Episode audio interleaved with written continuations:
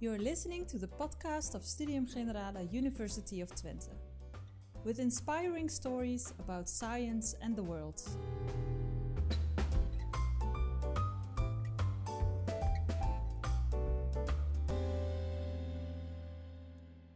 Professor Mummery is a professor in the field of uh, developmental biology. She holds two chairs, one uh, at the Leiden uh, University Medical Center and one chair she holds at the University of Twente. Christine Mummery was the first scientist in the Netherlands to introduce pluripotent stem cells. At UT, she's closely collaborating with the Lab on a Chip group of Albert van den Berg. She's growing organs, very tiny organs, uh, on a chip. Christine Mummery, the floor is yours. Thank you very much.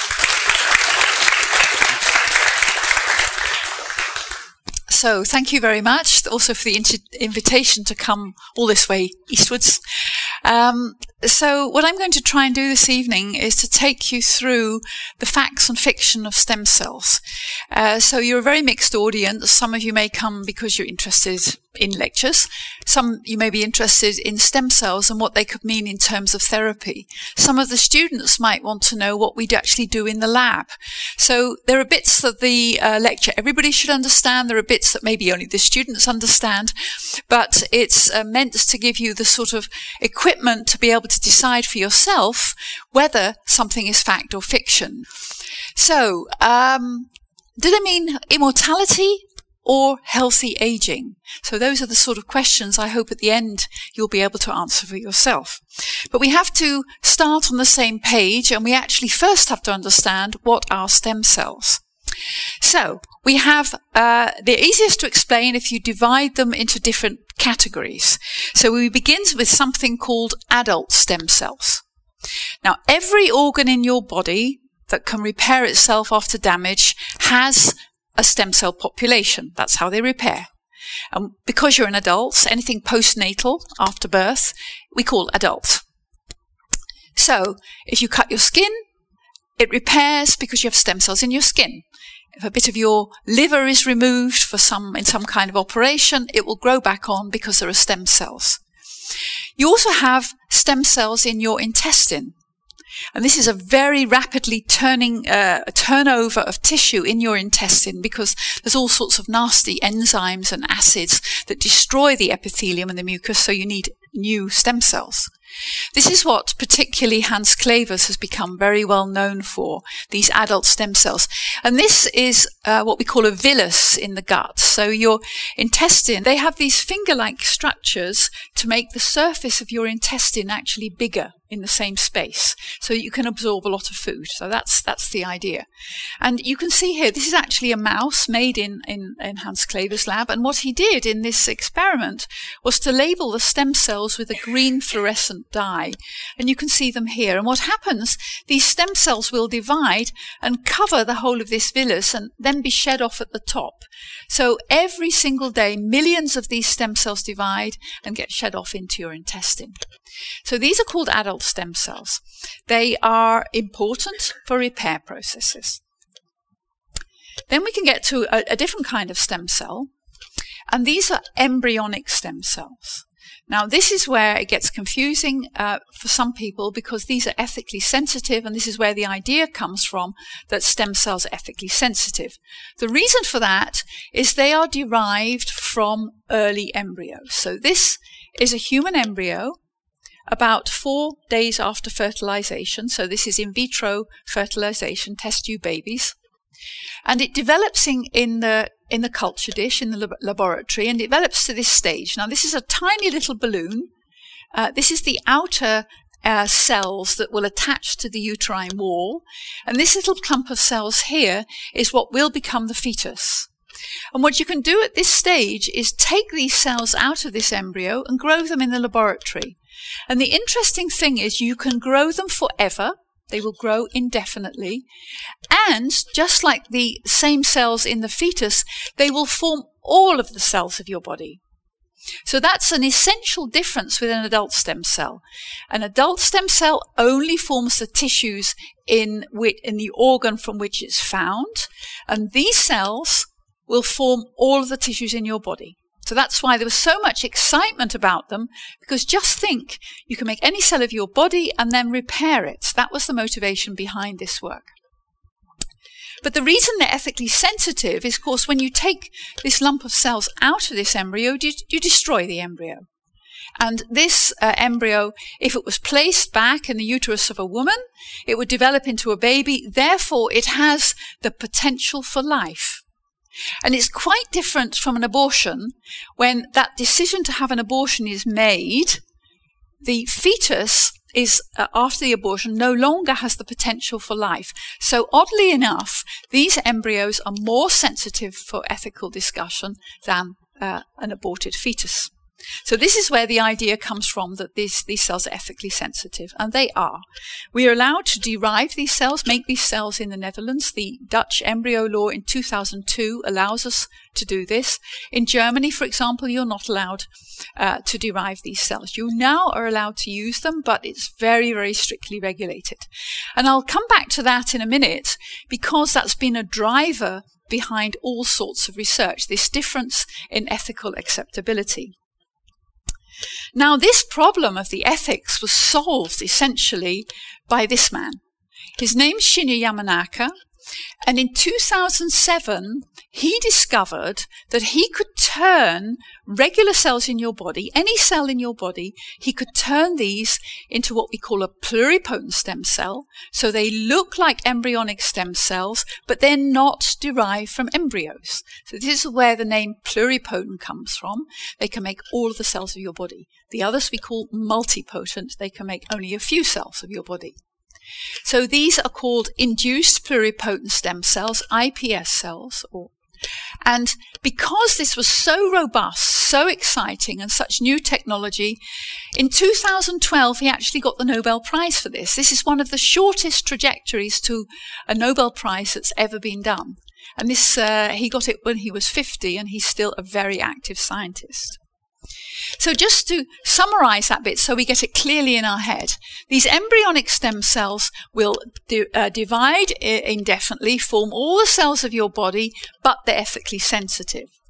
The adult stem cells will also grow indefinitely, but they only will form the what we call the epithelial component, just one component of the tissues from which they're derived. So they're very useful. The most common one we know, of course, is a hemopoietic stem cell. So those are the stem cells in your bone marrow. For years, people have had bone marrow transplants. If they have leukemia, they get radiated to get a bone marrow transplant. It's the stem cells that they're getting, adult stem cells. And then what I showed you as the third type are these very similar, these IPS cells, very similar to embryonic stem cells. People don't know how you actually do this. So, so we made a little movie to show you actually how this works in the laboratory. So this is the process essentially of um, making stem cells. So we make iPS cells. We can make iPS cells from any of you, no problem. And so we start off, let's say, with a sample of blood. We um, spin down, we centrifuge the blood cells, and then you put them in a centrifuge, just like uh, you would spin your your washing, for example, and then you get these uh, this blood splitting up into the different components. And this particular level is the, the cells of the blood we can use to what we call reprogram. So this is how this is done. It's in this cupboard because it's all sterile. You don't want bacteria getting in because these the bacteria would overgrow the, all these experiments. So you collect these cells and you count them. So this is a little chamber. You put them on. You can just count them, see how many you've got. And here you uh, are transferring the cells. You have to grow them a little bit, and then you have to uh, to add in certain factors. They're called we call them the Yamanaka factors after this name. They're little bits of DNA, and we put them in with the cells. And then you can see which cells have actually become reprogrammed in the culture. So you do that uh, by what we call FACS. You label them fluorescently, and you can see this is a bunch of cells. These have been reprogrammed. Now it looks like it's on a machine, but actually they're real cells. And uh, then we have them growing in these dishes. And what we'll, you'll see now is how we actually select these colonies. So they were growing in a flat layer, and this is what the technician's doing. She's peeling off the cells she doesn't want, just as a sort of, comes off as a sort of uh, skin on your coffee. It's quite horrible, really. And um, what you see is these little tiny colonies, and they're reprogrammed skin cells. And uh, then we'll be able to see their truly uh, reprogrammed stem cells. These are pluripotent stem cells just made from any of you. You can freeze them, keep them forever. It's quite handy. You put them in liquid nitrogen. So, and then we have to add all sorts of other little components. So we're trying to make heart cells. So that's what my lab, does. It makes heart cells from these pluripotent stem cells. And we uh, put them in this incubator. This is at 37 degrees. It's in a sort of Coca-Cola that stem cells like. Um, it's a sort of sweets and sugar, all sorts of things in it. And we just wait. We wait uh, about six to 10 days at this temperature, so body temperature. We made these, turned these stem cells into heart cells in just a couple of weeks. And we can we don't only make heart cells, we can make nerve cells and we can make these from any of you or from patients um, within just a few weeks. We make neurons, brain, liver. We make them from skin. We make them from blood. We can even make them now from urine. Just pee in a pot. We'll spin down the cells and turn them into heart cells and nerve cells. Now, this is quite remarkable, and I hope you can understand now why Shinya Yamanaka got the Nobel Prize for this, because it was really quite amazing. But what can you do? So I'm going to give you now an overview of stem cell therapy. And I hope what we can do is to tell you what we can and cannot do.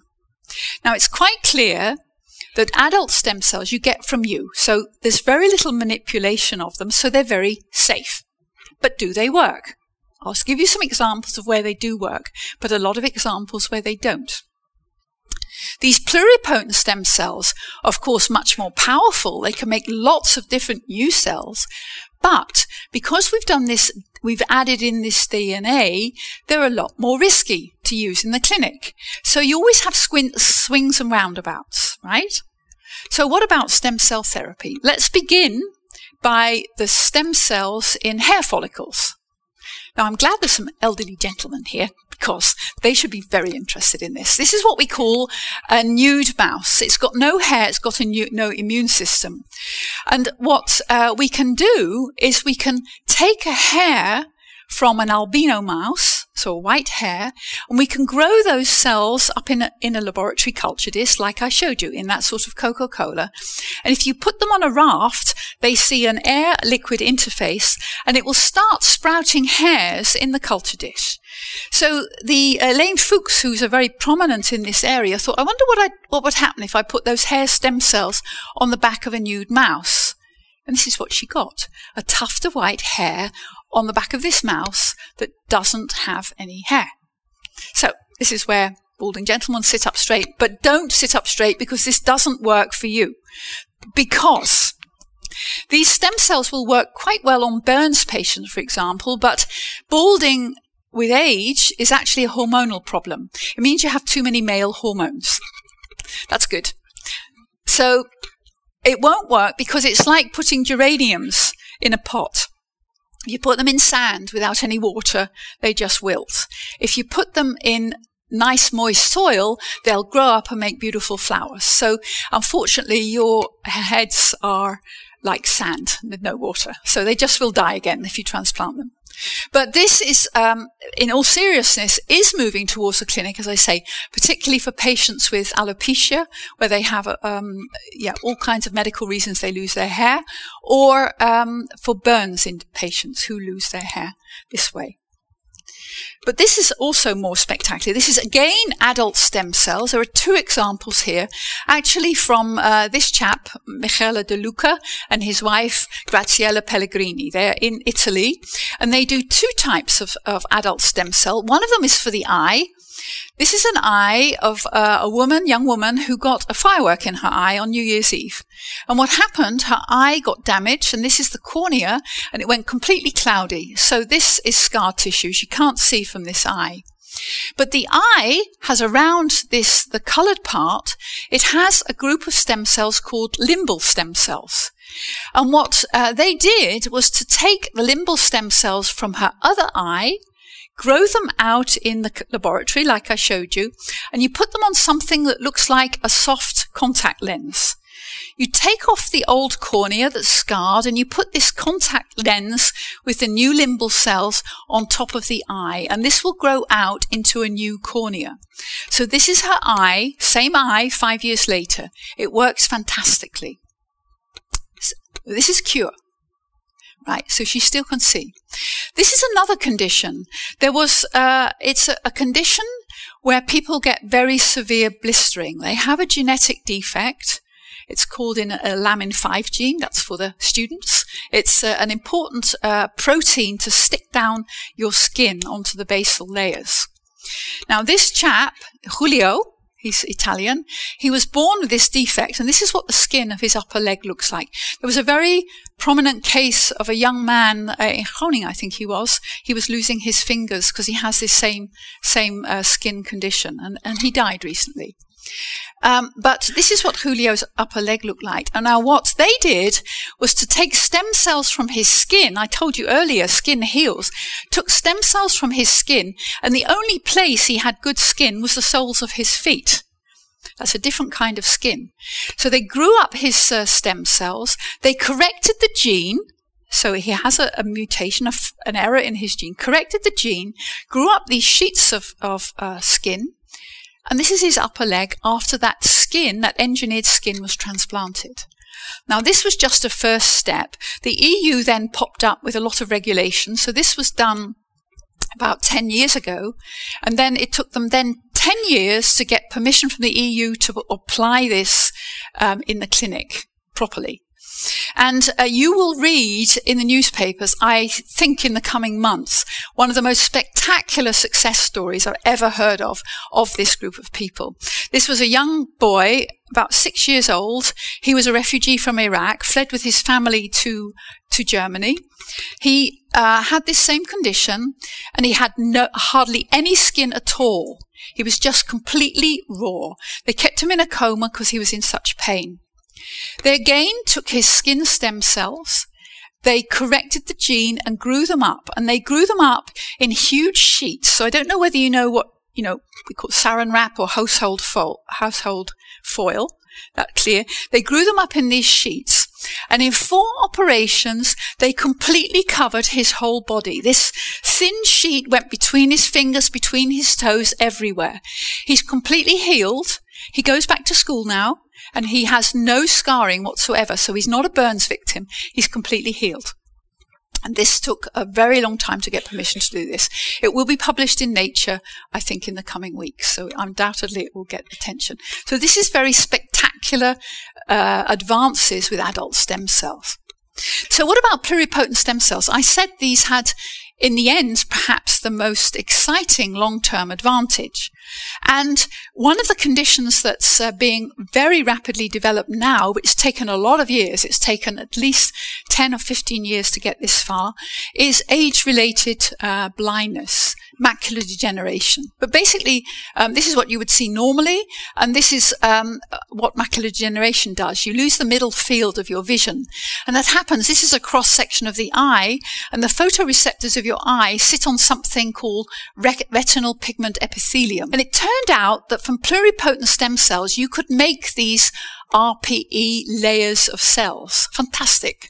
And uh, the surgeons are so skilled, they could slide them under the, the photoreceptors that were dying and the photoreceptors would be rescued. So this is already in clinical trials. About 80 pa- patients have now been included, and they test it in patients where they have macular degeneration in both eyes. So one eye is a control, uh, and the is untreated and the other receives the treatment. And they look at the rate of decline of vision. And they found that in the majority of patients, the, div- the, the vision declines much more slowly um, in the patients with a treated eye. So this is going to work. It won't work if you've already got the damage, but if it's very early, it can save your photoreceptors and retain your vision. Other areas where pluripotent stem cells are really going to the clinic. Um, dopaminergic neural cells to treat Parkinson's disease. The first clinical trials are probably coming online next year. It's taken many, many years to make the right sort of cells um, that produce dopamine uh, for your brain. We know the transplantation works because in Sweden, more than 20 years ago, um, patients with Parkinson were treated with fetal neurons. So these are the fetal brain cells. They were the right type and they worked in some patients, but not all. Um, of course, it's not ethical to harvest uh, brain cells from fetuses. So, because uh, there's so many people with Parkinson's disease. So people worked very hard to make these same cells from um, embryonic stem cells or iPS cells. These, some of these patients who got the fetal transplants and were essentially cured have died of recent years. And when they've done an autopsy on these patients, they can see these fetal cells still in their brain and still functioning. So this can work. We know how to do the transplantation. We know how to make the cells. They're now making the therapies safe. And in at least four sites uh, in the world, they're going to work together to get this into the clinic pancreas cells for diabetes. Now, this is also advancing very quickly. We can make beautiful pancreas cells uh, from pluripotent stem cells. They they uh, are not very mature, but the advantage of these cells is you don't have to put them in the pancreas for transplantation. We know you can put them in the liver anywhere where uh, these cells can actually taste the glucose in the blood and can produce insulin, it doesn't matter where they sit. You can actually even put them under the skin and they do their thing the right way. And why we know it works is because you can get beta islet cells, which are the cells that produce insulin in response to glucose. You can get them from discarded um, pancreas that don't make it to transplantation. So we know the transplantation works, we just have to get the right cells. The basic driver behind this, of course, is the shortage of donor organs. If we had enough donor organs, of course they're the best way to go. If you've got a problem with your heart, you would um, like a new heart. That's the best way to go, or new lungs. But there aren't enough donors, so this is a good compromise. But moving towards the kidney, heart, and liver, this is further away. This is going to be more challenging because those cells are more difficult to make, and we're not terribly good at the transplantation surgery. So this is how you sort of stratify what the chances are of being cured or not. Now, my area was the heart, and I justified using embryonic stem cells in the very early days by saying we try and cure patients of heart problems. So, this is actually a mouse heart. You may not be familiar with it, but this uh, area here is the ventricle. It's the part of the heart that pumps the blood around the body. This is the atrium, pumps the blood around uh, the uh, lungs. And this is a little suture in which we tie off a vessel and we give this mouse a myocardial infarction to, to uh, stop the blood supply. And what we did here was transplants uh, beating cardiomyocytes that I showed you on that picture into this heart. Now, these cells will stay there a very long time. And uh, we've had them out there for nine months. Unfortunately, though, the cells survived, but the mouse remained sick. Now, there are a lot of reasons why this doesn't work. You have to remember this is a young mouse, um, so it's actually otherwise healthy. It doesn't have atherosclerosis or high blood pressure or lots of cholesterol. But nevertheless, this did not work. It worked temporarily, but it didn't, wasn't sustained. And this is exactly what people find when they put adult stem cells into the heart those adult stem cells do not form heart cells, but there are many, many clinics offering to inject bone marrow cells, fat cells, God knows what, into your heart or into your circulation to cure your heart problem. The problem with the heart is it's a very placebo sensitive organ. You can tell somebody they've done something, fiddle with their arm, and they will feel better and they will be able to do more, but it's not maintained. So you have to be very careful to do these studies properly. So, what about the other applications? So, I, I, think I've given you an overview of what can and cannot be stem cell therapy. I hope it's clear how you sort of um, assess whether it's going to work, and most of it's asking the right people. But what we can do, and it's quite exciting, is we can do have more immediate applications. And some of them are for drug safety pharmacology. Is a drug safe? It turns out many drugs are not safe. We can do research on human disease. If you have a genetic disease, we can make stem cells for any of you and we can recreate your particular disease in a dish. So that means we could look for a medic- medicine that was perfect for you. And this is where this field's going. It's really exciting. And this means we can develop new drugs. So I'll just give you some examples of the kind of things uh, we can do. So this is a sort of overview of how f- the pharmaceutical industry is investing in drugs. So you see, um, this is the the uh, amount they're investing is this was actually from about 1990 to 2007. They're increasing their investment in looking for new drugs, and this is the number of new drugs coming on the market that actually is going down. So per year, only 25 new drugs actually make it on the market. So one of the reasons they fail, there's, there's actually various phases. So firstly, they, they screen millions of compounds and they often screen them in inappropriate assays. So they don't really know what they're looking for, but they have a sort of compromised situation and then they test them in animals. But when they get this far into a phase one trial, They've invested a lot of money already.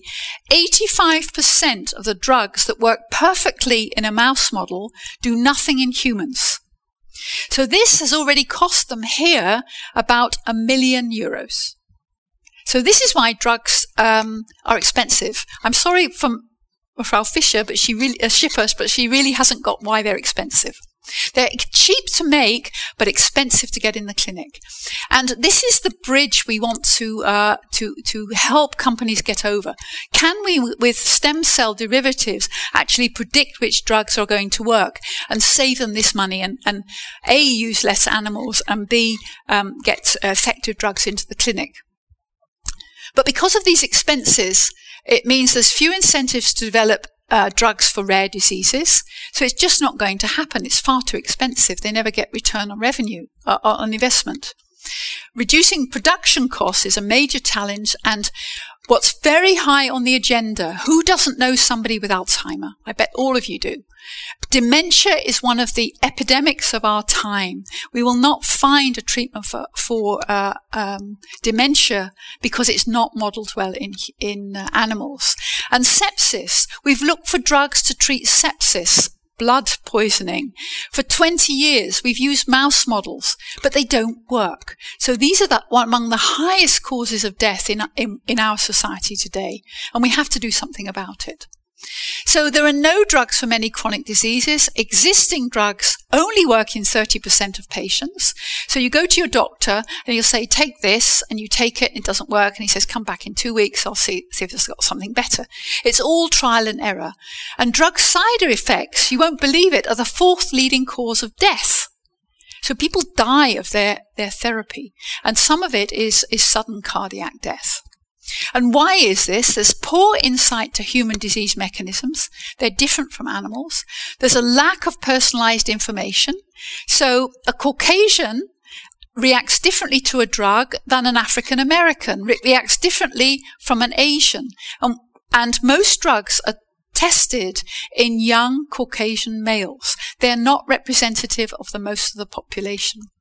And animals are poorly predictive of humans. And I'll try and illustrate that in a second, but is there a solution in using human stem cells or engineered tissues or organs on chip? And this is what our most exciting new uh, grant that we've received for doing research with uh, is this Organs on Chip initiative.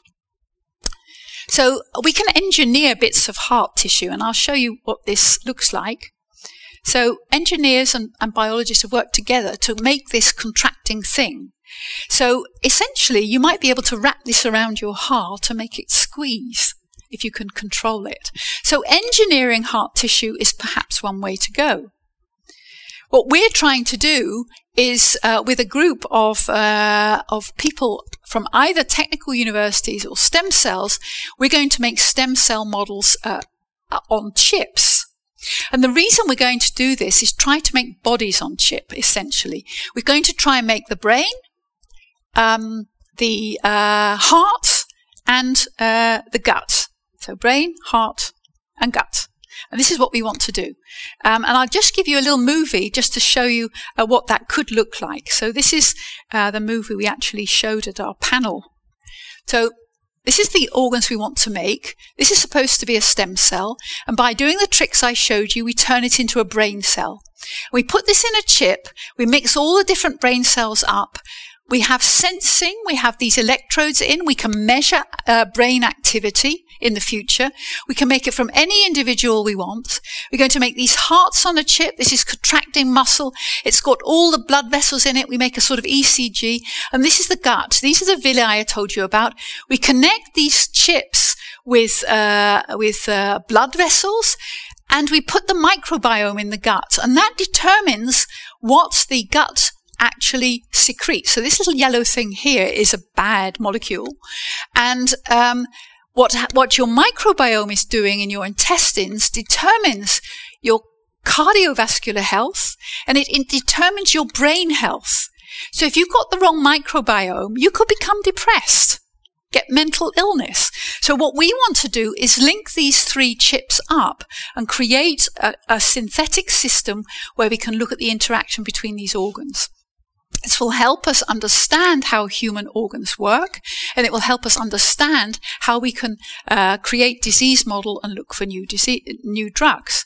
So these chips uh, look like this, and we put them in these holders, and we'll be able to uh, measure what they do. So this is what engineers do.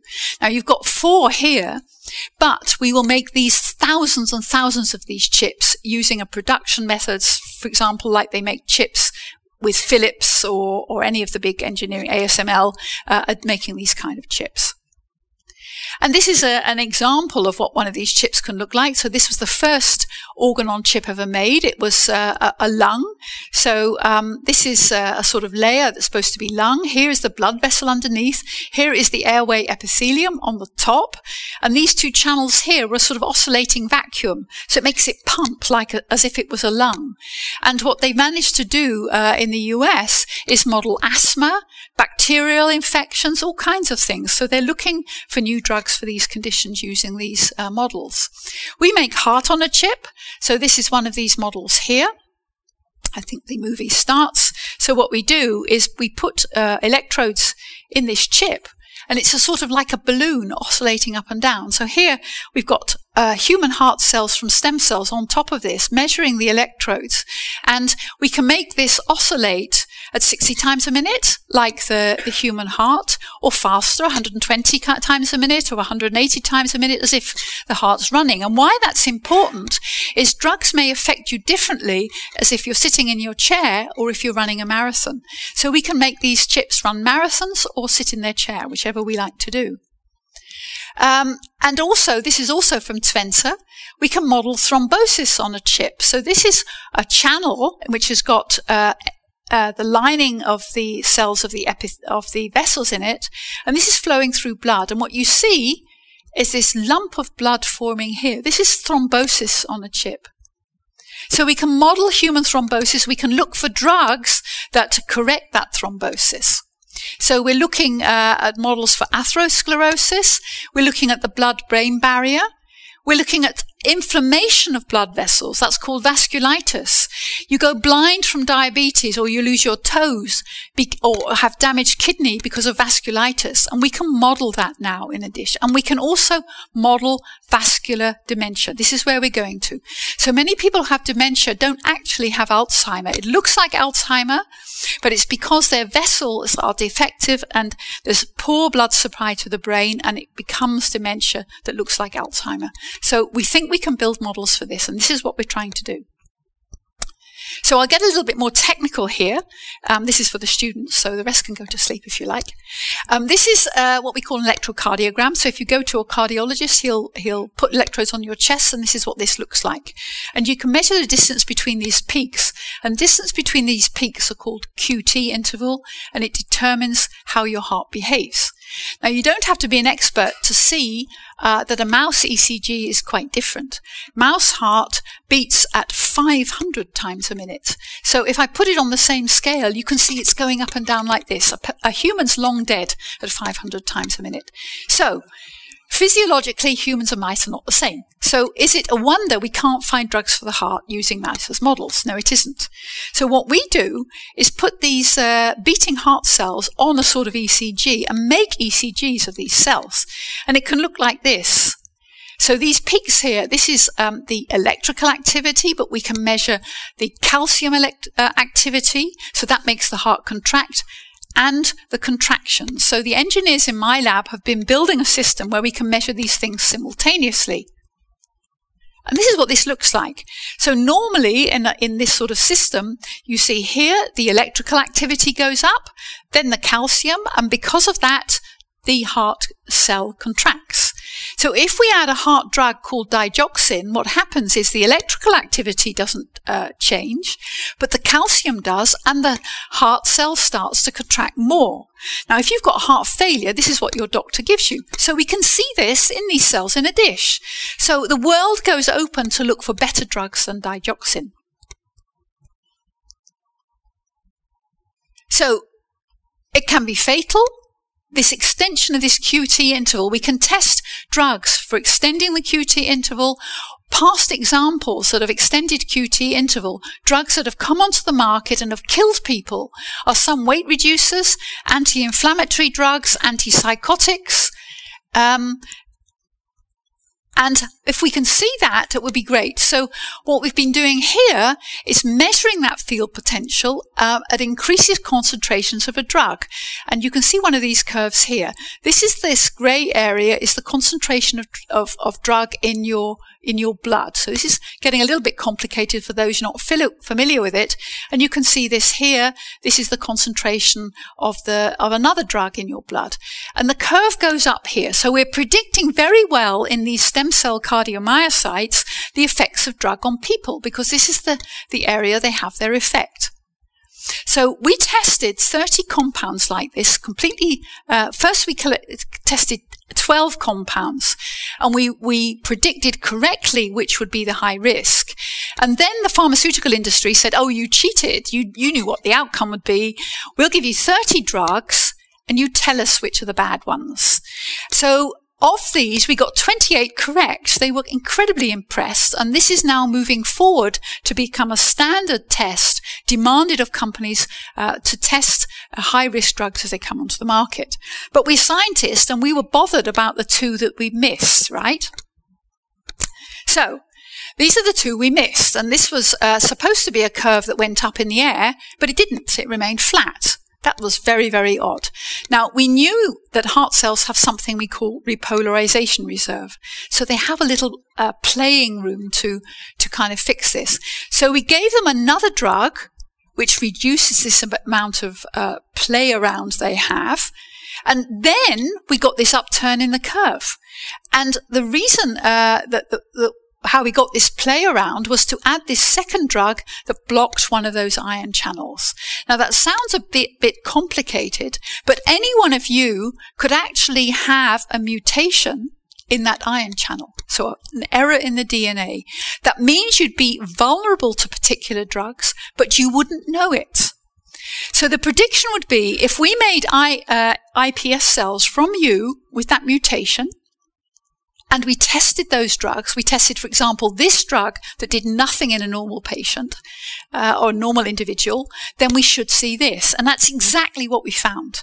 So this was a patient who did have one of these uh, mutations, had no symptoms, but look at the iPS derived cardiomyocytes. The dose response curve for both of these drugs we missed goes up in the air. So this person was vulnerable to this drug but didn't know it. And that's why people go undergo unexpected uh, death um, from some drugs. And it's, you can find it back in the clinic. So this is a control group of, of patients who got this drug sotalol. It's a beta blocker. Some of you may take beta blockers. Now, the QT interval on their ECG was unchanged by the, by the sotalol. But the patients with this mutation all got an extension of their QT interval and they should not get this drug. And this is what personalized medicine can mean in the future. Your doctor will be able to say not only the drugs that make you better, but the drugs that you should not take because you're at risk. And it may be you're all fine, but maybe the Asian population is not fine. So a company that brings a drug on the market, selling it in Japan, may have terrible problems because um, it, it kills people there, not here. So the drugs sort of um, uh, uh, the sensitivity to drugs can be uh, um, increased by other drugs. I gave you an example. Natural alternative medicines are not without risk. So if you take I mean, I name an example, ginseng tea or something, it could reduce your repolarization reserve and make you vulnerable to your regular drugs. So be very careful. Fever, get a high temperature. We know in the in the hospital that pay, cardiac patients on their own drug will suddenly be very sensitive to the drug if they get an infection. Their temperature goes up and reduces their repolarization reserve. Give them antibiotics to treat that fever. Same thing happens. Small differences in the DNA that you won't notice also give them sensitivity. So this new technology gives us a way of determining risk much better. I'll just give another example, jumping away from the heart. And this is a family with schizophrenia.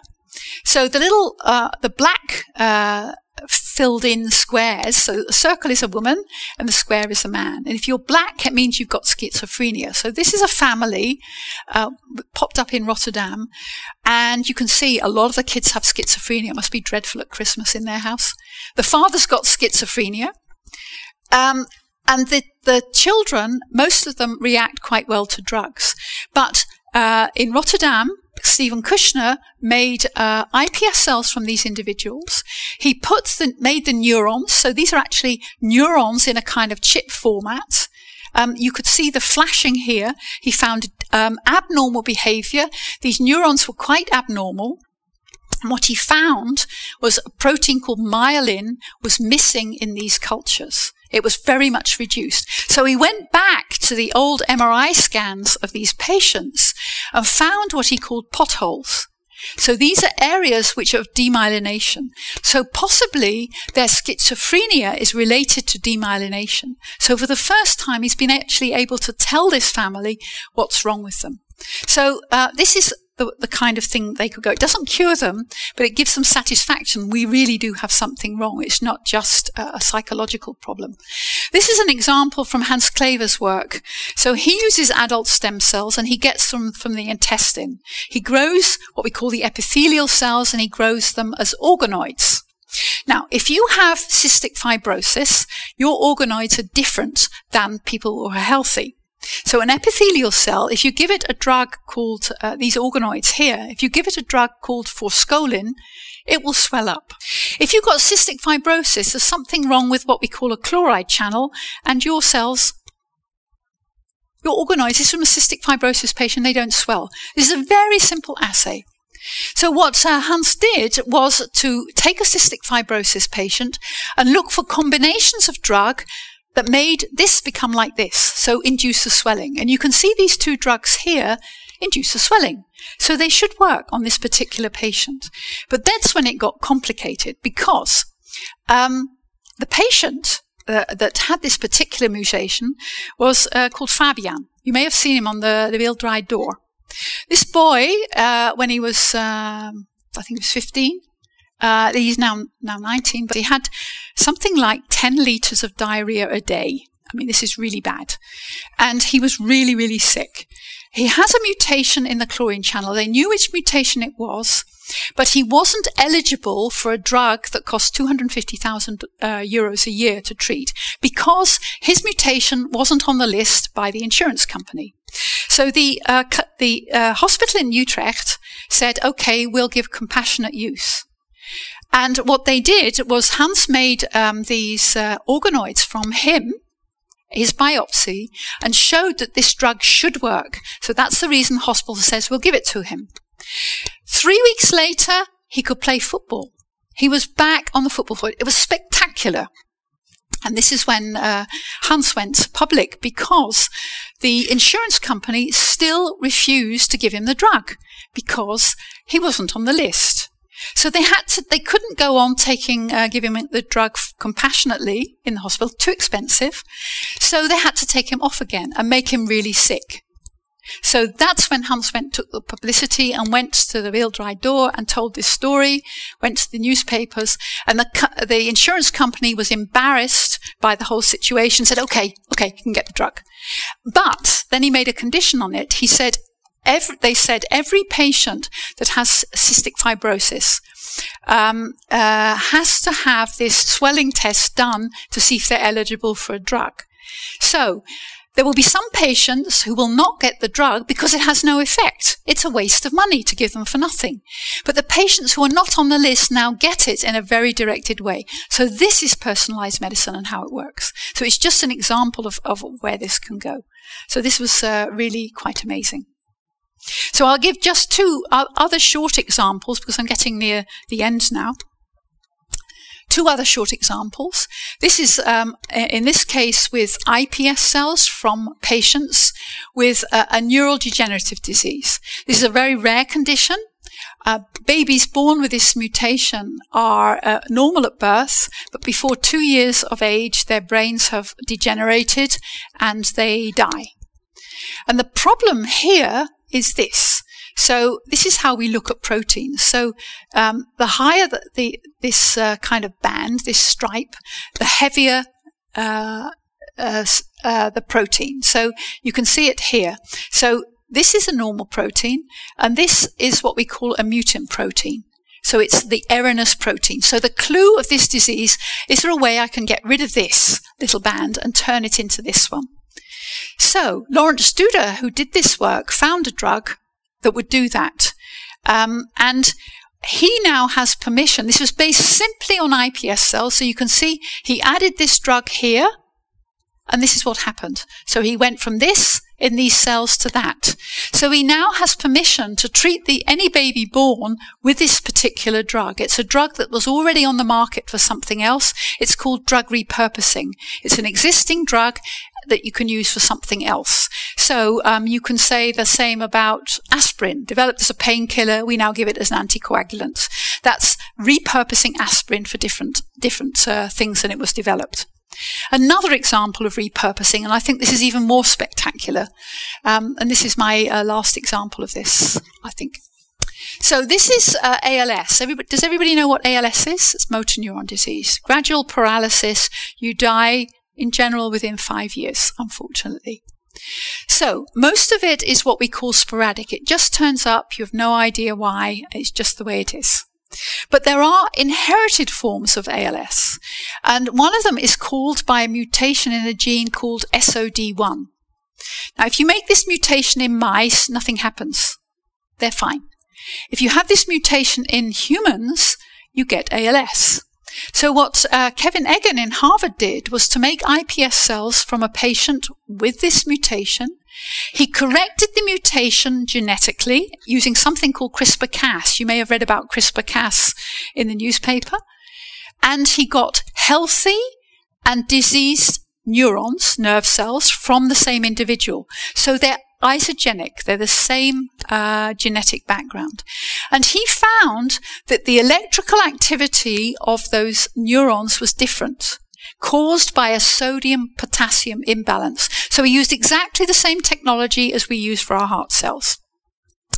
So then he asked, is there an existing drug that would correct the sodium potassium imbalance? And yes, there is. There is an anti-epileptic that works exactly the same way. This anti-epileptic corrects the sodium potassium balance in epileptic patients. In, and in the case of his, uh, these cells, it corrected this defect. Not only that, these neurons are what we call hyperexcitable. That's very jiggly. That's not very good. If you put a magnet next to a patient with ALS, their hands go like this. This is hyperexcitability. And this drug, this anti-epileptic, corrected the hyperexcitability. So the clue of this study was there was another family with a second mutation in a different gene, right? Nothing to do with this, but he found the same sodium potassium imbalance. So this drug corrects what we call the phenotype, corrects the sodium in, uh, potassium balance without altering the gene. Right? So that's the way most drugs work, actually. They treat the symptoms You get a beta blocker, but it doesn't correct the gene. You're still ill, but you don't feel it.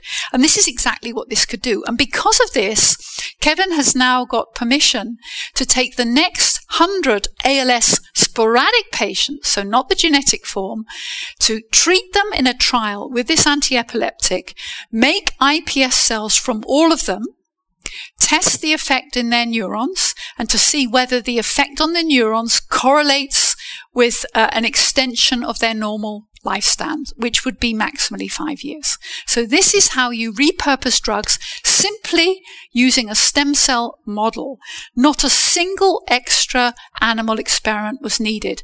Within a year of publication of this, this was in the clinic. So this is where the great potential is. So if you ask what can stem cells mean, if we're thinking about, let's say, transplantation and regenerative medicine, so we begin our lives at zero, pretty weak and wobbly. And we get stronger and stronger until we're about 20. And then we kind of get a plateau and everything goes hunky dory till we're about 50. And then starts a long slippery slope to our 90s. And uh, it's the long slippery slope downwards that's really the most unpleasant thing in life. So wouldn't it be great if stem cells could mean this? We extend the plateau period and then at the end we tip off the cliff I wouldn't mind going in a week if I could spend the rest of my life like that. So that's what uh, we hope for. So stem cells and drugs derived from stem cells could mean this extension of healthy lifespan. That's what we all want. So mortality, immortality or healthy aging, I would say healthy aging. We don't want immortality, we want healthy aging. And this is what you actually get. This is a car in Cuba. Um, and you can see this has had a very old chassis. But it goes perfectly because it's got a new Japanese motor in it. So you should see your body like this. This is a car in Cuba. Old chassis, new engine. We can give some new engines. So thank you very much for your attention.